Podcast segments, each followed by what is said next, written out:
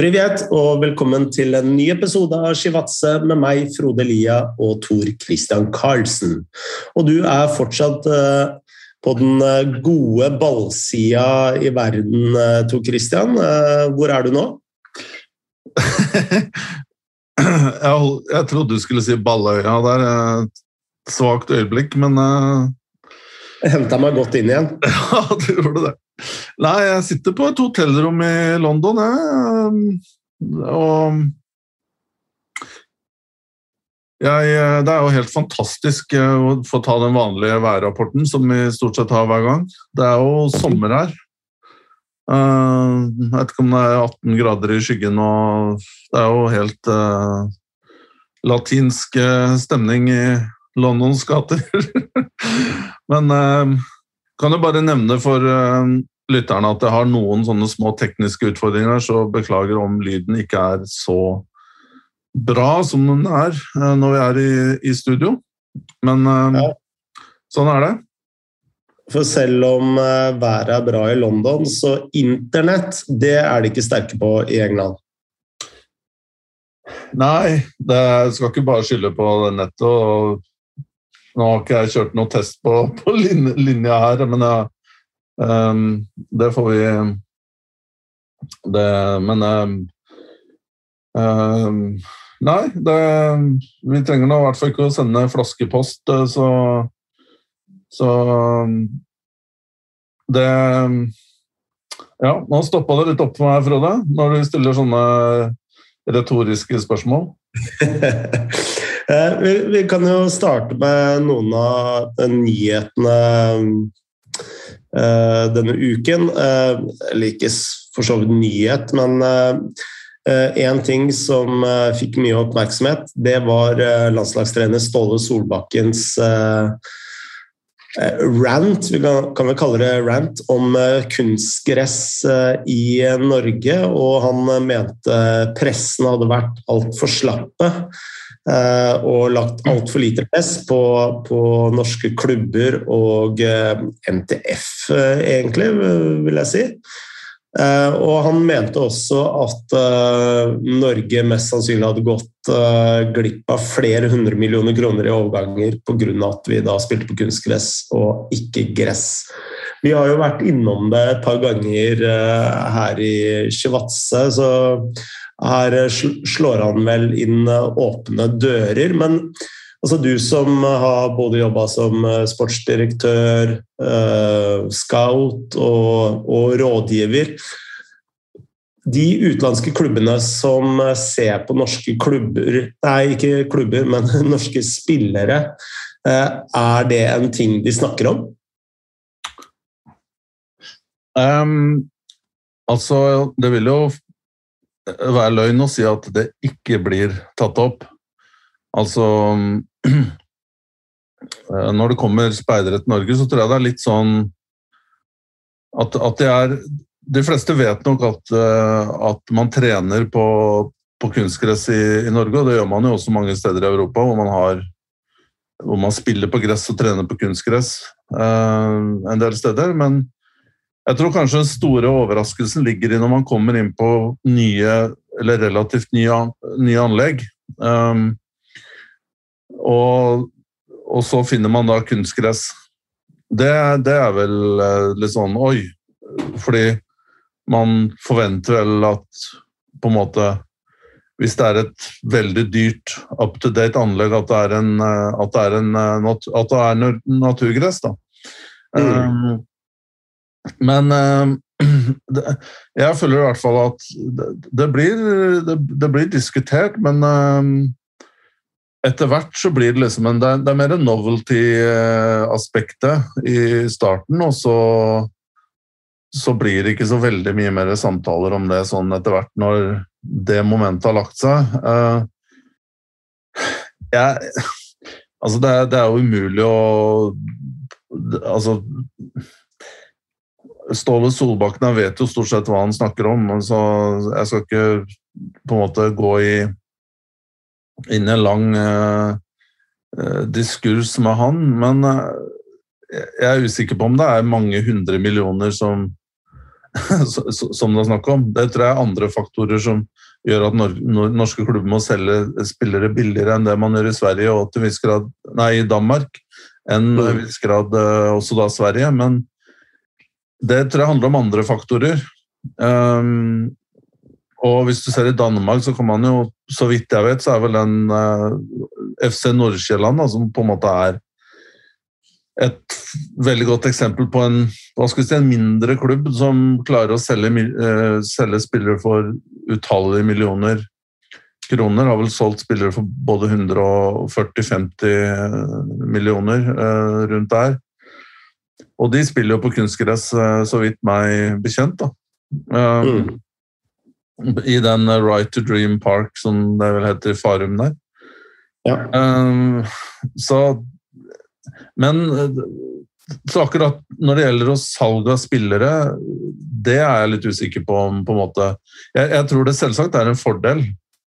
Og jeg er helt enig med argumentene til Ståle at, uh, at fotball på natur kontra uh, kunstgress er er ikke en annen sport, da. Det blir jo tåpelig å si, men det blir det det er, andre ting. Du må mestre andre, andre, andre saker, og det er en det, det, er en forskjell her, selvsagt. Um, mm. han han snakka mye om at uh, når man spiller på kunstgress, så, så litt satt på spissen, da, så uh, får du flere altså mer fram tekniske midtbanespillere, og ikke kanskje de derre uh, store, brautende midtstopperne f.eks. At uh, man får en del andre spillertyper enn det man uh, ville fått uh, hvis man hadde spilt på gress. Tenker du noe i de samme baner, eller? Ja, jeg, jeg er enig i det, men, men, akkurat den debatten her, den føler jeg den går litt sånn nå, det, Den føler jeg har gått før. Det, ja. Om den var i fjor eller forrige fjor, det, det, det her kommer liksom hele tida, syns jeg. Og det var jo, Jeg vet ikke om vi har snakka om det her til og med på podkasten her, Frode, tidligere, om akkurat de tingene her. Mm. At uh, at uh, ja, det gagner små, kvikke tekniske spillere, og uh, kanskje også det har ført til at vi vi ikke har fått fram, eh, som du sier, da, disse gamle stoppertypene. Eh, eller indreløpere som liksom kommer på, på lange løp. Eh, men at det gagner spillere som fortrinnsvis vil ha ballen i beina. Det er vanskelig å slå stikkere i bakrom, sikkert òg. Det har blitt latterliggjort litt nå i siste. At, at, at, at det er sånn dårlig argument, da. Men uh, det er jo klart det er, det er, forskjeller. Du må mestre litt andre ting da, enn uh, en, en på, på, på, på, gress. Mm. Um, men dette her er ikke jeg Her skal ikke jeg påberope meg en sånn veldig stor ekspertise, så, og mye av det jeg sier her, er litt sånn hairsay, da, som jeg har hørt andre folk som jeg stoler på, uh, har sagt. Så, men det er jo mer det holdt på å si strukturelle og det økonomiske rundt det, da, som er kanskje litt mer eh, En større utfordring, føler jeg, til at vi skal få det på plass. Ja. Eh, la oss gå videre. Jo, jeg, unnskyld at jeg avbryter, men jeg, jeg, tenker jo bare det at For det mener jeg at du må bruke fem minutter på, Frode. Det med Um, altså de, de, utgiftene om å drifte drifte uh, naturgress. Uh, og jeg har jo selv vært i klubb der man på en måte har hatt uh, i start, da, hvor man hadde gress og naturgress, og så gikk man over på kunstgress. og Det hadde selvsagt to årsaker. Én økonomisk, og to at flere Anlegget ble kommunalt etter hvert, og da var det policyen naturlig nok fra kommunens side at flest mulig skal få bruke anlegget. Eh, og da lønner det seg å ha selvsagt eh, et underlag som tåler mest mulig, som er mest mulig slitesterkt. Så det er jo den der diskusjonen der kom man jo for så vidt Hadde det vært og så kan man jo zoome så langt ut som man egentlig vil her. Da. Så kan du liksom komme opp på nivå der hvor vi begynner å prate om um, altså I Norge så har vi jo ikke privateide eh, stadioner lenger. Vi har ikke egne private treningsanlegg engang, ikke sant. Um, og hadde vært en hadde vært et Chelsea, da, som har ja, eller andre engelske lag som på en måte har 10-12-14 baner, gressbaner med forskjellige gresstyper og skal simulere skal simulere gress, eh, alt mulig forskjellige typer, sånn at man blir Man kan trene på, på det og det underlaget, um, avhengig av hvilken motstander man har. Altså mm. da, og, og, og, og, mye av driften handler om å selge spillere og, øke verdien på spillere osv. Og, og at det er en forretningsidé bak det, så er det jo klart at da kan man gjøre akkurat som man vil. Men faktum er jo at i Norge så er man Se Vålerenga var det Det er for så vidt eh, en interesse som går utover Eller ikke går utover, men eh, som, som dreier seg om mye mer enn bare A-laget. Eh, og flere av de banene som, eller anleggene som utgangspunktet hadde, hadde naturgress, skifta over til Uh, kunstgress etter hvert, altså Vikingstadion i start, uh, Fredrikstad, pga. økonomi. Mm. Så det er på en måte uh, vel og bra at uh, man identifiserer at det er et problem, men det er jo klubbene som skal finne en eller annen måte å å, å, å finne en løsning til hvordan dette skal, skal, gå rundt i hverdagen. Jeg vet ikke hva du, hva du sier der? Jo, altså det, det, er jo en forutsetning fra en rekke kommuner at det er kunstgress, så de kan ha andre arrangement eh, på stadion eh, i tillegg til fotballkamper. Eh, så her, i mange tilfeller, så er jo klubbene bundet på føtter og hender, eh, nær sagt. Uh, all den tid de, de spiller på kommunale anlegg. Så um, ja, jeg tror gressbaner ikke vil ha noe comeback i Norge den nærmeste tiden, iallfall. Da må økonomien være noe helt annet enn det den er i, i Eliteserie og Obos og Post Nord enn det det er i dag. Ja, absolutt. Og, og, og, og selvsagt så, så, forstår jeg også altså, Jeg kan til viss grad være med på det argumentet om at, at spillere vil bli verdt mer penger hvis man spiller på gress. Jeg kan, jeg kan se at det kan være tilfellet, men, men, det er på en måte hvor skal man starte her, da? Eh, det, det blir liksom å selge drømmer. Altså, det, det er ikke det i det daglige hverdagen i norsk fotballklubb så er ikke det prioen, på en måte. Det er uh, I mange tilfeller så er det faktisk å få en, uh, state of the art underlag, uh, altså kunstig underlag som er state of the art. Man ser jo flere steder hvor underlaget er altså Jeg vet ikke hvor mange år sånn kunstgressteppe eller underlag har. Kanskje fem-seks sesonger. Og så koster det jo ganske Jeg lurer på om det er et par-tre Man er oppe i et par-tre millioner for å, for å, bytte det ut. Mm. Eh, og det Så det ender jo da også er jo spørsmålet hvem skal betale for det. Er det kommunene eller er det fotballklubbene? Liksom, så krangler man om det i tillegg. Da. Så dette er jo fryktelig tung Titanic å, å, snu. Eh, så jeg, jeg, jeg bare føler at er, jeg, jeg, tror det, det, finnes vel ikke klubber rundt i Norge som ikke ønsker, ønsker, gress, og ikke forstår at det hadde vært veldig positivt. Og det finnes heller ikke ledere eller spillere som ikke heller vil ha eh, naturgress, men det er liksom det, det, det er ikke bare å, å, knipse, og så er liksom det så er det løst. Er, jeg føler at eh, Og media på en måte har vært for passive her. Det,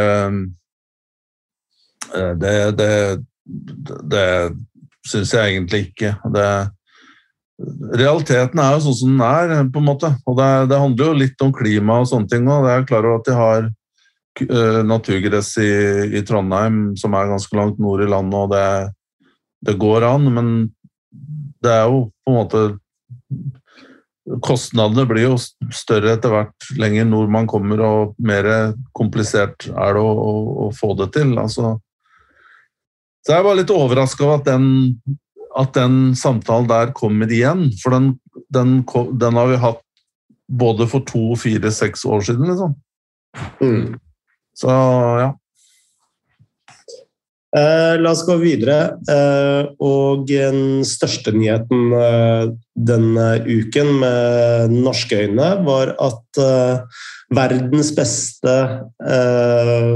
fotballspiller på kvinnesiden, Ada Hegerberg, er tilbake på det norske landslaget. Og det er jo selvsagt veldig gode nyheter. Eh, men jeg vil gjerne anbefale bloggen til Mina Finstad Berg, faktisk, som, som tar for seg litt av forskjellene og, og hva Ada har stått i de siste årene. Eh, fordi Ståle Solbakken han eh, uttalte på pressekonferansen at eh, Haaland måtte behandles spesielt fordi han har den statusen han har, osv. Mens i Hegerbergs tilfelle så blir det beskrevet som som vanskelig når hun setter de samme kravene. Eh, så det syns jeg var en eh, meget eh, god blogg og en veldig god nyhet. Ja. Og, her, og, her, ser vi også første stempelet til Lise Klavenes som fotballpresident, tenker jeg. Ja, hvis det, hvis det er så, så er jo det en fantastisk, fantastisk seier. Altså at man eh, får henne tilbake. Det, det, det har jo vært en, et tomrom. Eh, når jeg har sett norsk kvinnefotball, så er jo eh, Selv om de gjør det bra og, og det er moro å se på, det er fantastiske fotballspillere, så er det jo litt sånn Hva kunne dette her ha blitt med Ada Hegerberg på laget? Mm. Det, sånn, det, det, er litt som Argentina uten Messi for å si det på den måten. da. Så det blir alltid sånn Hva kunne det ha blitt? Um, så det å få henne tilbake er jo helt, uh, helt fantastisk. Og så er det vel fotball-EM i Jeg lurer på om det er fotball-EM i, i England uh, neste år, ja. uh, hvis jeg ikke tar feil. Det må være en fin milepæl, da. Um, og hvor gammel Ada? midten av 20-årene. Det er jo ikke langt på nær peak, så EM er i, i juli. Starter 6. til 31. Ja. juli i England. Riktig. Så ja, det blir utrolig spennende å, å følge det EM-et der. Og så bare i forlengelse av det, den gladnyheten der, da, så er det jo litt sånn Altså, I Norge um, og, og, jeg forstår at man må være kritiske til å For å drive ting fremover, så må vi utfordre hverandre, og vi må være kritiske. og Vi, være på, liksom, vi kan ikke stå stille. Men det er jo uh, Det er jo fantastisk å tenke på at vi har uh, Ok, så nå har Ada Hegerberg vært, hatt en del skadeproblemer og, utfordringer, men hun er jo var kåra til verdens beste fotballspiller, kvinnelige fotballspiller. Er fortsatt i verdenstoppen, er 26-27 ehm, år, rundt der. Har eh, mange, mange år igjen på topp eh, som, som toppspiller. Og så har vi i tillegg Erling Braut Haaland, som er en av som er i diskusjonen om å være en av de beste fotball, eh, mannlige fotballspillerne. Mm. Det, det, er jo vi, vi, må på en måte liksom Jeg tror det er viktig å eh, bare ta det ned bitte lite grann og la det synke litt inn noen ganger, da. Mm. Eh, det er kanskje sånn for 10-12 år siden så satt vi og tenkte på oi, hvilke spillere har vi som i det hele tatt kan klare seg i en topp fem-liga? Eh, det kunne vi telle på én hånd. Mm. Mens nå så er det nå, nå, har vi som sagt to uh, superstjerner uh, i, i kvinne- og herrekategorien, og det, det, føler jeg er ganske stort. Mm. Ja, altså vi har snakka oss ned i ja, flere tiår, egentlig. Altså hvor dårlig stilt det er her i Norge, og nå plutselig har vi to av de beste spillere i hele verden. Ja, det er, ehm, det er utrolig stas, og jeg gleder meg til å gleder meg til å se både de nevnte og, og, og landslagene fremover nå. I tillegg så har vi jo to boblere i Karoline eh, Graham Hansen og Martin Ødegaard. Så ja. det vokser bra. Det, eh, ja, absolutt. Eh, når vi snakker om Haaland, så har vi fått et spørsmål fra Andreas O. Alstad. Han lurer på um, uh, altså, uh, En god venn av meg, Andreas Seljås, faktisk hadde en tweet som uh,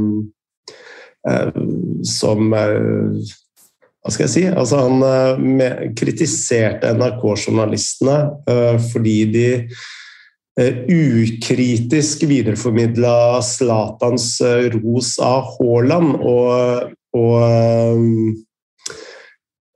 og mente at det var liksom pussig at man bare kunne uh, la Zlatan snakke opp prisen til Haaland uh, helt ukritisk. Og da her Andreas uh, Alstad sitt spørsmål generelt og for avtaler av Haalands størrelse spesielt. Hvor langt frem mot annonsering av avtalen forhandles det?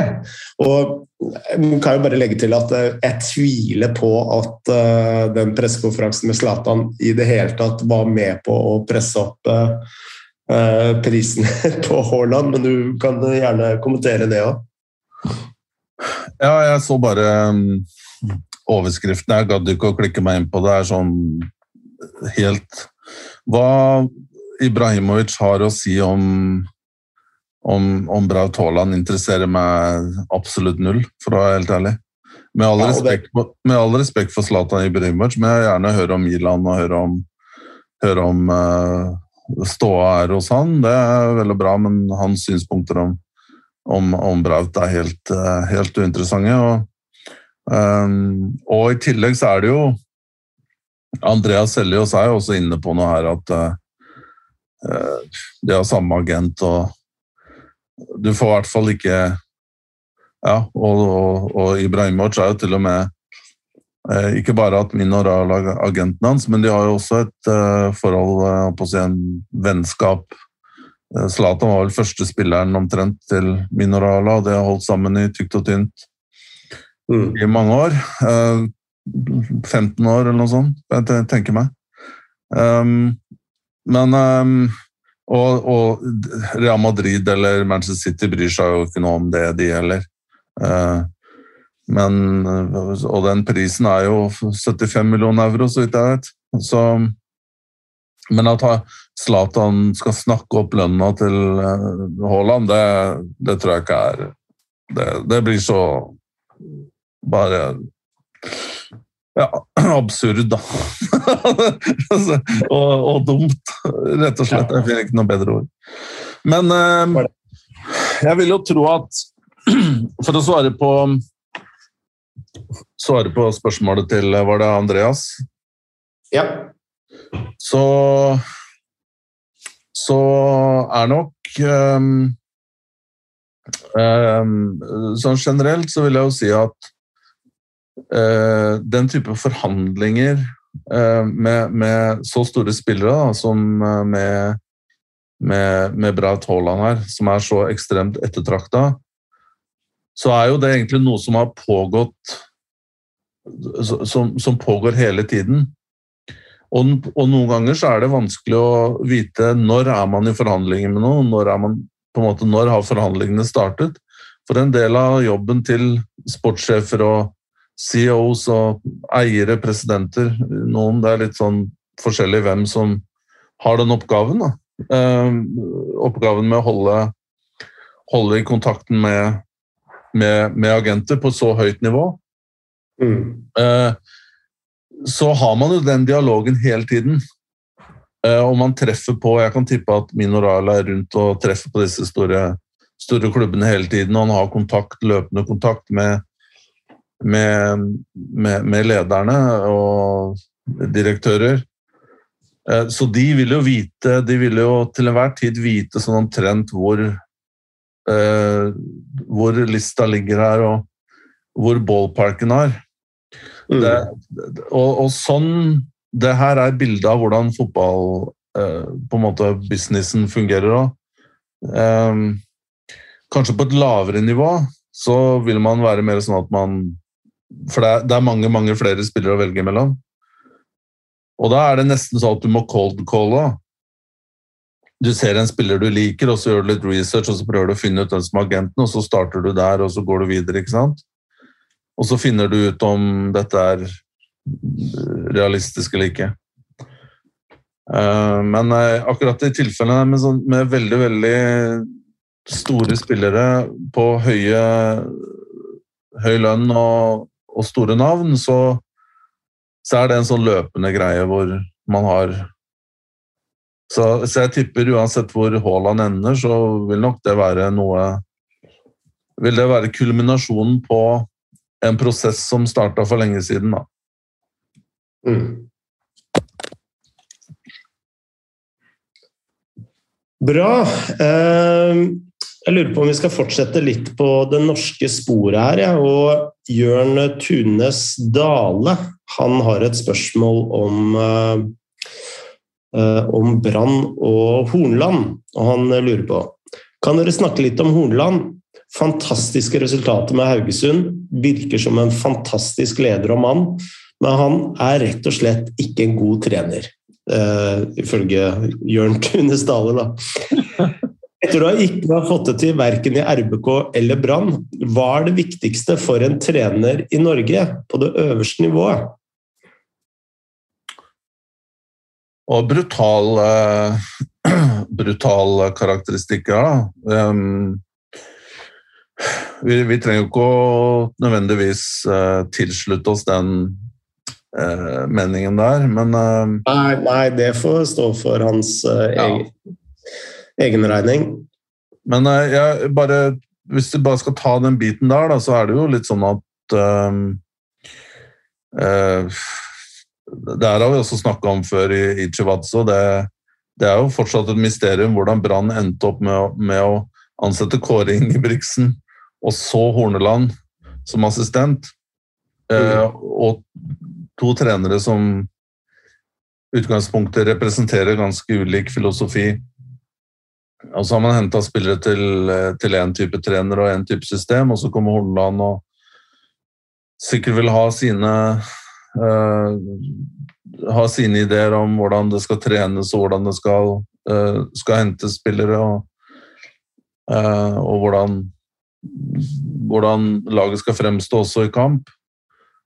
Eh, så akkurat det der var jo bare sånn helt sånn absurd stykke management, syns jeg, fra, fra Brann-styret, som klarte å ende opp på, på den miksen der. Og dette er ikke etterpåklokskap, altså vi, vi var tidlig inne og, og, og funderte over det her. Men um, nei, jeg, jeg, tror sånn generell basis, så, så, og, og, så får vi nå se hvordan det går med Brann og Hordaland i, i Obos. Um, um, men på generell basis så er det vel ikke sånn at uh, trenere i Norge på en måte er Jeg holdt på å si noen andre skills uh, enn andre steder.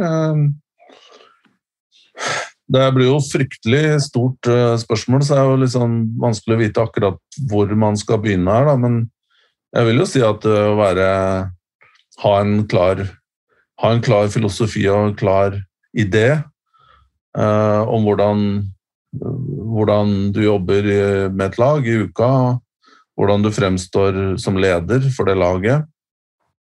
og og hvordan du skal legge opp uka til å få best mulig resultater da eh, i kamp.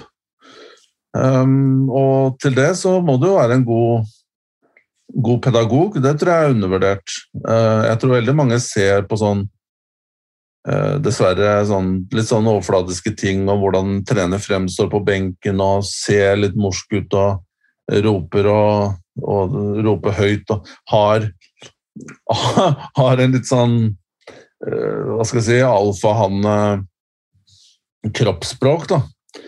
Uh, og at, det, at, du kommer langt med det. Jeg, jeg, jeg, tror det er mange som kanskje av de som ansetter trenere, kanskje ser litt feil da, på ting som ikke er så viktig, men det å være en god, god leder, god pedagog, uh, en, en, som ønsker å utvikle mennesker og bruke tid på mennesker Jeg tror hvis du har de tingene der, så, så skal det mye til for at du mislykkes, i hvert fall. Mm. Eh, jeg har jo intervjua en del eh, trenere opp igjennom, og dette har jo vært en, eh, et gjentagende tema i veldig mange, mange av de samtalene. Altså hva, hva, er viktig for en god trener? Og det som har slått meg, det er at de fleste trenerne uh, vektlegger ulike ting. Jeg kan ta et eksempel da, som Drillo, og et godt eksempel uh, her. Og for han så er, handler det meste om uh, fotballkunnskap. Altså, det, det, er det altoverskyggende. Og dette har han jo sagt åpent og i flere fora, så det er ikke noe hemmelig hemmelighold, dette her. Men så møter jeg andre trenere og, som legger vekt på helt andre ting. Uh, lederegenskap, f.eks. Uh, som uh, noen har gått så langt som å si at altså, fotballkunnskap det er ikke så viktig. Man setter opp et lag i 4-4-2. Altså, du må liksom finne finne enkeltspillerne. Det er de som spiller kampene. Eh, så det er liksom ledelsesaspektet da, som er det viktigste. Og det, bare det syns jeg er veldig interessant, da, at selv trenere har en veldig ulik inngang til hva det, er, hva det vil si da, å være en god, god trener.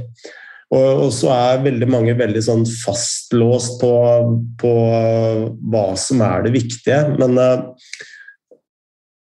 sånn jeg har tenkt på dette her, og dette er sånne ting jeg har grubla mye på, på, selv, så tror jeg de aller, aller beste trenerne de er ganske gode på, på alt. De trenger ikke å være best uh, på én ting, men så lenge du er ganske god uh, på det meste, så er du en fantastisk trener. Og sånn jeg, eh, sånn jeg ser på trenerrollen, så har den egentlig tre deler. Altså, den har en eh, plandel. Den har en implementerings- og utførelsesdel, og så har den en evalueringsdel. Og Hvis du da tar f.eks.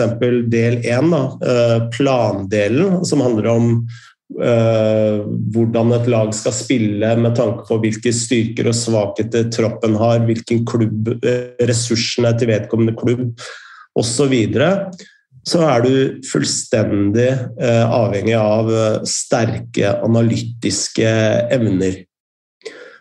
Men når du kommer til implementering og utførelse, da trenger du helt uh, andre ting. Eller nå, uh, nå hoppa jeg over ting. Altså, når vi kommer til plandelen, så trenger man også selvsagt fot fotballkunnskap. Altså, man må kunne mye fotball.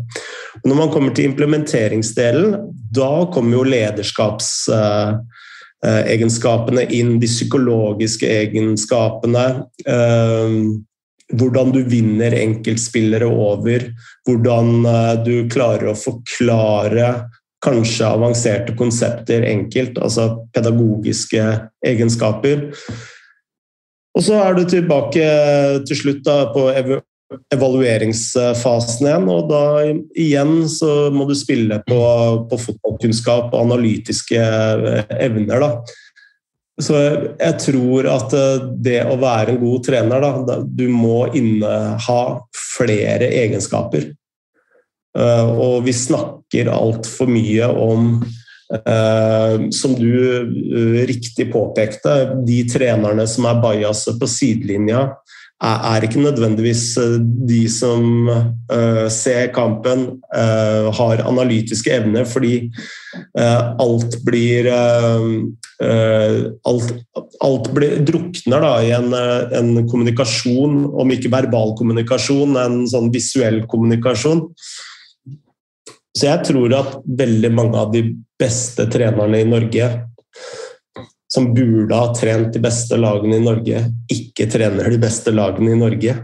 Fordi vi har gått etter navn i altfor stor grad. Vi har gått etter uh, hva som ser bra ut.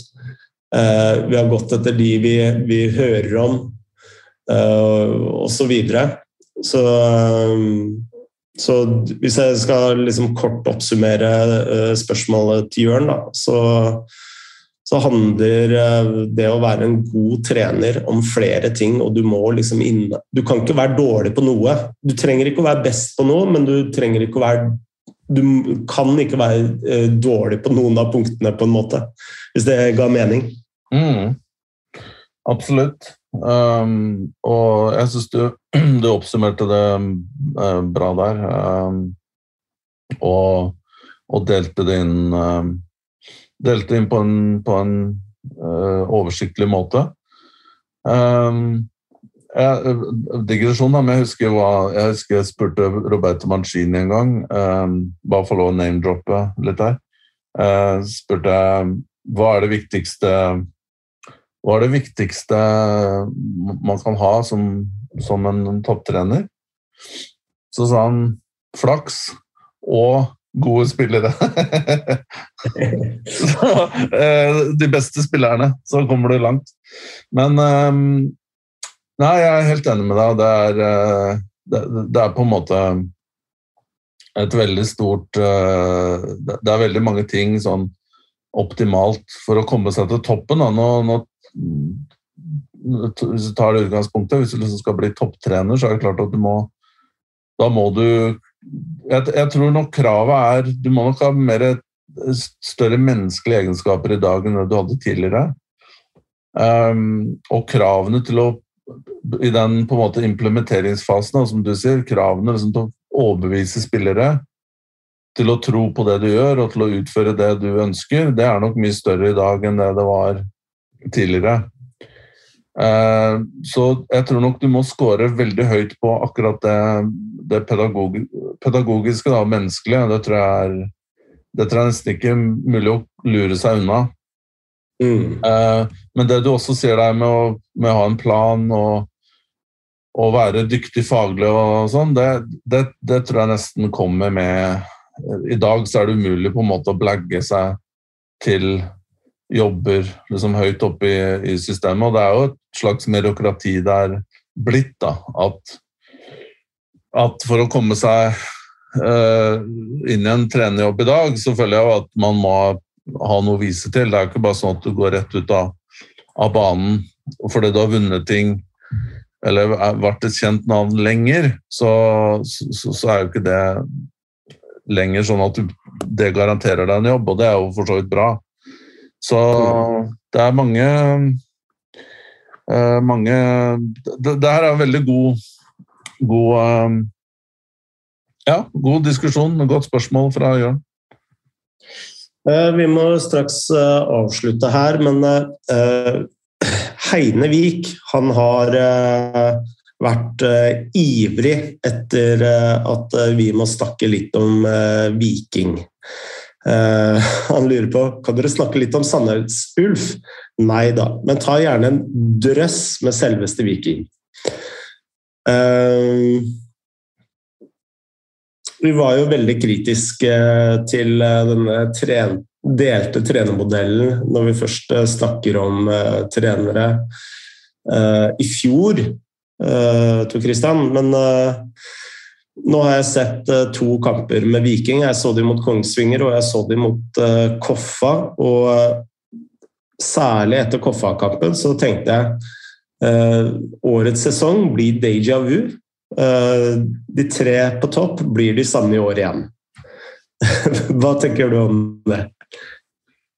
jeg er litt Jeg må jeg har hatt så mange andre ting å, å styre med her uh, siste ukene, så jeg har ikke fått sett ordentlig på det tabelltipset mitt. Ikke, ikke, at noen i, i, det hele tatt skal vente på det, altså, for jeg er ikke veldig dyktig til å tippe tabelltips i det hele tatt. Men jeg må innrømme at det resultatet her mot, mot eh, KFM og 5-0 på bortebane var ganske, ganske imponerende. Og så hadde, jeg, så hadde hun en vanskelig kamp før det, som du sa, mot Kongsvinger 0-2 der òg. Mm. Um, men um, Nei, jeg er helt enig i at uh, Jeg vil ikke si at vi var kritiske til den delte trenerjobben. Uh, jeg vil si at vi var skeptisk. Det er noe annet. Uh, og jeg var i hvert fall klar til å la meg bli til, til, å snu. Um, og så får vi se i lengden, da, men det er jo klart at det, de resultatene den duoen har og kan vise til nå um, etter et års arbeid der er jo helt fantastisk. Eller er det to? To år har de jo leda Viking nå. ja. mm. og, og, da begynner jo det argumentet mitt å falle litt fra. De har jo hatt to, uh, to gode, gode, sesonger. Uh, så, og fremgang. Så nei, det er veldig, veldig imponerende. Men jeg vil bare Jeg vet du har dårlig tid, Frode, men bare vi må bare ta ett ord om Berisha her. fordi eh, Jeg skulle nevne ham. Ja, fordi to år siden så satt vi jo omtrent akkurat disse tider i, i 2020 og, og snakka om Berisha Brekkstang som skulle ha seg ut av Brann. og nå er det i hvert fall déjà vu igjen. Mm. Ja, for nå har Hammarby kommet eh, med et bud som eh, Viking eh, nærmest ikke var interessert i å se på engang. Ja um, Jeg vet ikke hva slags summer det er snakk om her, om det budet var på, på 10-15 uh, Det gikk noen rykter om 20 millioner. Det er litt vanskelig for å se for meg at Hammarby skal bruke sånne type penger på kjøp, selv om de har solgt bra nå. Men jeg mener jo Altså, jeg har jo stor respekt for det, det Berisha har fått til på banen for Viking. Han har vel skåret eh, 16 og 22 mm. um, på, på, på, to sesonger, da. Eh, det er jo enorme tall. Men eh, Men eh, jeg føler jo samtidig at det er noe du kan, du kan, ikke kjøre den derre der to ganger, føler jeg.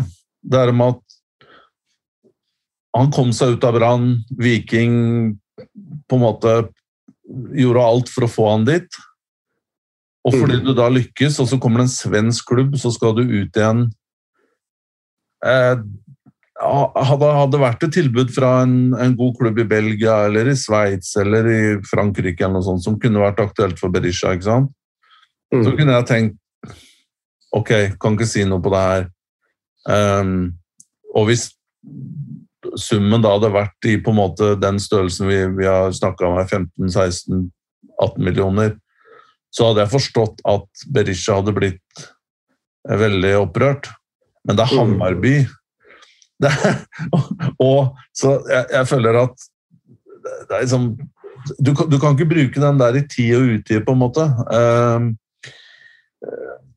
og, og, til slutt, da, hva med Hammarby? Altså, vil du da ta en spiller som, altså hente en spiller som har gjort det der to ganger? Mm. Om han da skårer 20 mål i Allsvenskan, og så kommer det en dansklubb? Er det da Kommer det her igjen, da, eller? Det, det er i hvert fall veldig, veldig spesielt, syns jeg. Ja, det er, det er litt uh, utidig. Ja, det er det. Jeg føler Viking opptrådte litt som uh, altså, uh, på, på, på, mange måter redningsmenn, da. overfor Veton. Og så blir det litt sånn Og det er takka? Ja, det er jo helt riktig. Han, var jo, han skårte knapt mål i Brann. Jeg tror han hadde tre mål på, på, hele sesongen. Og som du sier, så, så kommer han tilbake til Viking, og, og de satser 100 på han. Og, og, og, så kommer det her. Jeg syns det er veldig, veldig spesielt. og i tillegg da, for Viking sin del, og nå har de virkelig fått noe på gang i Stavanger, og de jobber veldig bra der borte. og og så skal du da miste en spiss som skårte 22 mål like før eh, seriestart. Det er jo Ja, det er eh, Her mm. mener jeg Viking bare må hvis, Altså, dette her er kommentert fra utsiden. Da. Det kan være ting her ikke jeg er oppmerksom på. Men sånn i prinsippet da, så burde i hvert fall Mener jeg at um, Viking burde i hvert fall si til Berisha at Ok, vi forstår at, uh, at uh, ja, det er økonomiske uh, hensyn her, men du må, du må, spille for oss, i hvert fall fram til sommeren. Stå på, og så Da har vi tid til å se etter en erstatter, og, og det er langt flere muligheter til å hente gode spillere på sommeren. Men du får bli i hvert fall tre-fire måneder til. Det har i hvert fall vært min, min min approach, og Berisha hadde hatt ingenting å vinne på å ikke prestere 100% de månedene. Mm. Eh, det får bli eh, våre siste ord i dag, eh, Tor Christian. Da sier vi som du alltid gjør. Da sier jeg privet og das vedanja og på gjenhør. Moderne media.